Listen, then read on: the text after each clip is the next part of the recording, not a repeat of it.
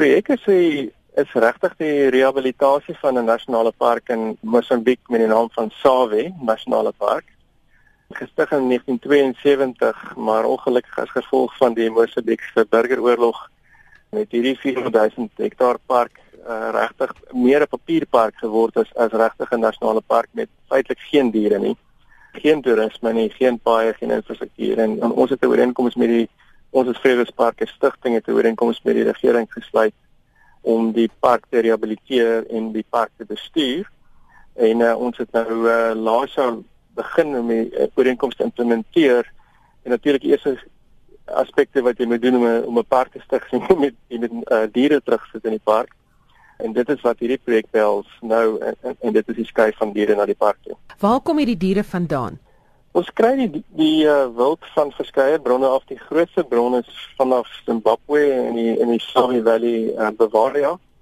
Ehm um, in spesifiek van 'n uh, privaat grondeienaar daar met die naam van Willie Paps en hy het ons 6000 diere geskenk wat ons kan skryf na die park oor die volgende 3 jaar en dan ook van Gorongosa af in Mosambik self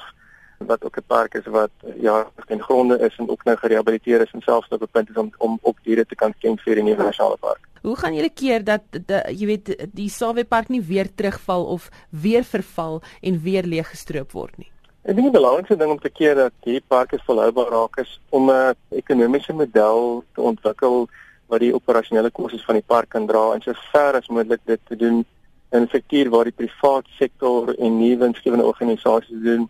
in 'n vennootskap in die regering. So die nuwe modelle wat na deurkom in natuurbewaring is alles geskry daarop dat uh, regeringswerk hand aan hand met uh, privaat sektor in 'n vennootskap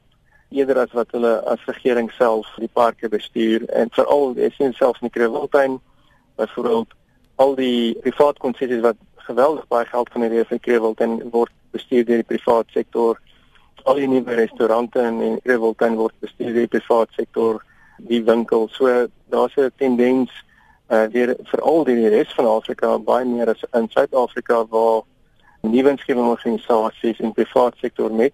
die regering hande vat en dan hierdie area saam beskerm en ontwikkel. So die om dit te vermy is eintlik uh, in die langtermyn se sukses in die privaat sektor en in die aan van die regering.